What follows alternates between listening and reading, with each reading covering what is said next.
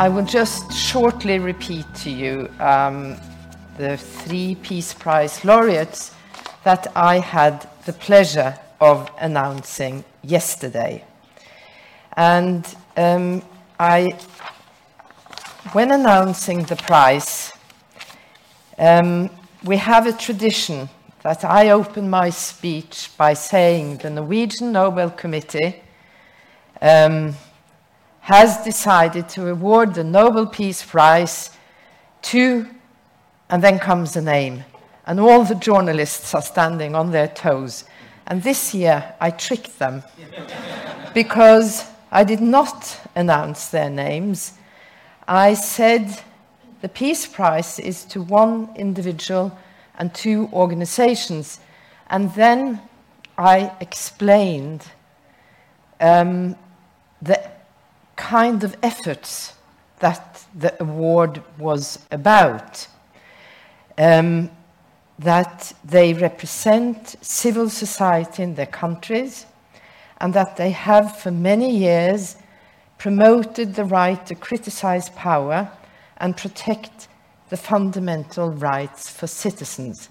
And why did I make this twist? Because I realized if I immediately started to announce the names of the two organizations and the individual, people would start to wonder what is this about? How are they connected?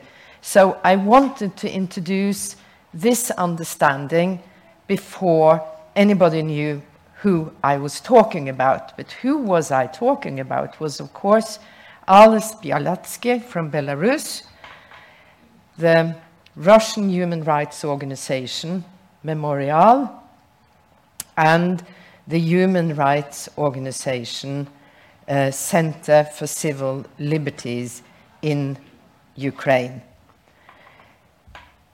The issue that we wanted to address with this year's Peace Prize is the importance of civil society. In our minds, the importance is that in a functioning democracy, civil society plays a role in the power balance. Um, division of power is a very important democratic principle.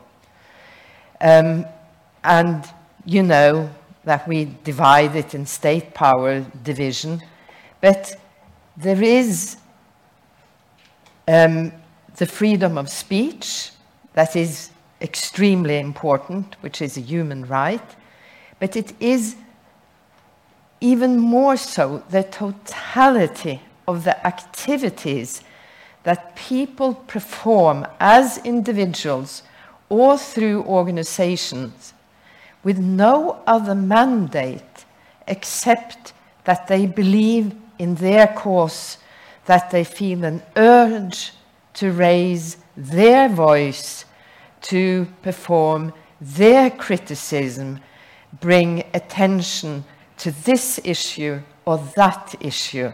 And that is the importance of civil society, and that is where it is a counterforce to political power and political institutions. The idea about division of power is that everybody needs a different point of view.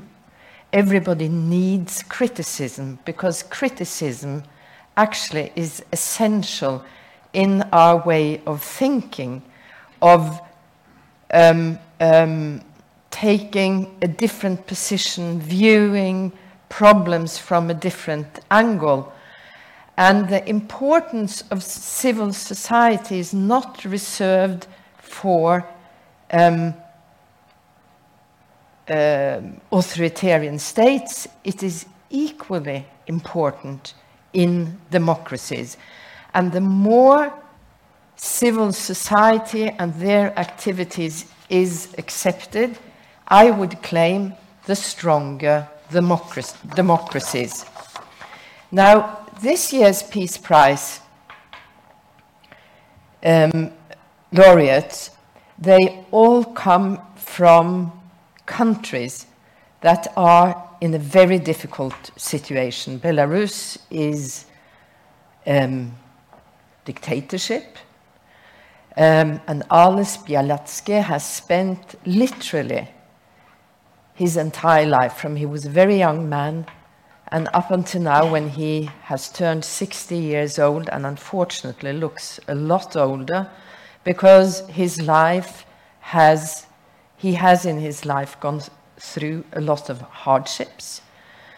Uh, I mentioned yesterday that he has been imprisoned. He is in prison right this moment. I don't know if he has been informed about the Peace Prize. I know that if somebody nods there that he is informed, I have been informed that they sent a telegram to the prison yesterday, some of his friends, and uh, but that they hadn't uh, been, it hadn't been confirmed that the news had reached him. I'd be happy to speak to you later and hear details about that.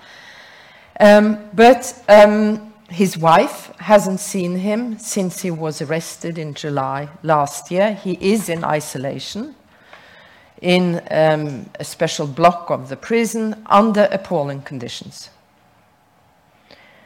Um, and I wanted, there was an interview today in a Norwegian newspaper where they, uh, a friend um, of him made a comment, Andrei Sannikov, and he says, I'm just translating it from Norwegian. The battle for freedom is not glamorous. It is a long and dangerous road to walk. The real heroes are those who follow this path without ever um, uh, yielding the direction. Ales is such a hero. Um, I think that was really spot on. Um, Memorial is, um, is a, a, human rights center um, that has its roots back in the Russian intelligentsia in the Soviet Union. And it started off documenting the atrocities that took place in Russia during the Stalin reign. And they have, from that beginning, continued to document state atrocities within Russia and Russian run wars and conflicts. And the idea is, in fact, the same idea that is behind the International Criminal Court that by documenting atrocities, holding people accountable, is a way to prevent new wars, new atrocities. It's a similar focus in Center for Civil Liberties.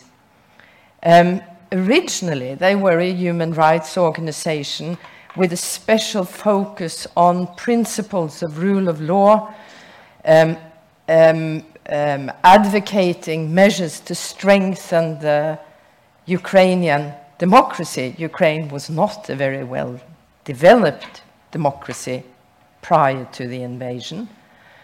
But now they have shifted their focus in exactly documenting war crimes against civilians in Ukraine. And what connects these two organizations and Bialiatski together. Um, they represent ordinary people who follow their conscience and work for what they believe in. And that is a very important message to all of us because anybody can take that platform. Um, they work for the same values, the same goals, uh, democracy, human rights, rule of law, anti militarism. And they work for these goals, disregarding the borders and the different regimes in their home countries. So we would like to show a unity between civil society that is separated from the political regimes they are operating under. And this is also between neighbor states. So the term in Alfred Nobel's will um, um, that uh, we can honor people who work for fraternity between nations uh, is truly spot on when it comes to this year's Peace Prize. Um, yesterday was a day, of course, uh, very um, moving. It always is very touching to announce the prize, contact the laureates, and even more, listen to the comments. Of course, there were very critical comments from Belarus and from Russia, uh, from the more apparatchik um, um, representatives. Um, I was surprised by one comment, and I hope it's not very authoritative, from Ukraine that said, How can the Nobel Committee award a prize to people representing those who attacked us? And this is exactly the point. Civil society represents themselves as individuals, as people, as their organizations. They are not representatives of the state, they are something separate. And also, the commentator said um, it is Zelensky who should have had the prize because uh, the road to peace is um, war. This is a statement, it's not the first time that kind of statement has been made, and I'm not going to discuss the meaning of the statement itself, but the terms of Alfred Nobel's will is very clear that we can never grant a peace prize to a person or an organization because they are running a war. Even if it is a just war where you are defending yourself um, and you are, uh, have the right to do so according to international law, and you have been attacked by an aggressor, as is the case. Um, that's just outside of our scope. But the Peace Prize has often been awarded to people who, in fact, have participated and been responsible for wars. But when they have received the Peace Prize, it is um, for their efforts. The most famous one was the Oslo deal and the Middle East Prize to um, uh, Menachem Begin and Arafat, and I'm sorry, I got the blank point in my head. And um, uh, also, when Nelson Mandela got his prize, William de Klerk shared it with him. He was definitely a representative of the perpetrator, of the aggressor. But the award was for changing a position and taking a stand to create peace. And that is something profoundly different than being active in warfare. Okay, I think I should close now. We don't have very much time. Um, but I would like uh, to say that um, in a few months we will receive representatives of the three laureates.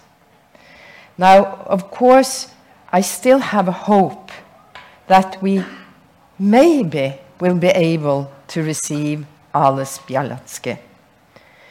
Um, and I think we have really uh, disturb the Belarusian authorities because to have the world's attention upon you because you are keeping a Nobel Peace Prize laureate in prison, and even in prison without having been convicted for a crime or had a trial, is an embarrassment.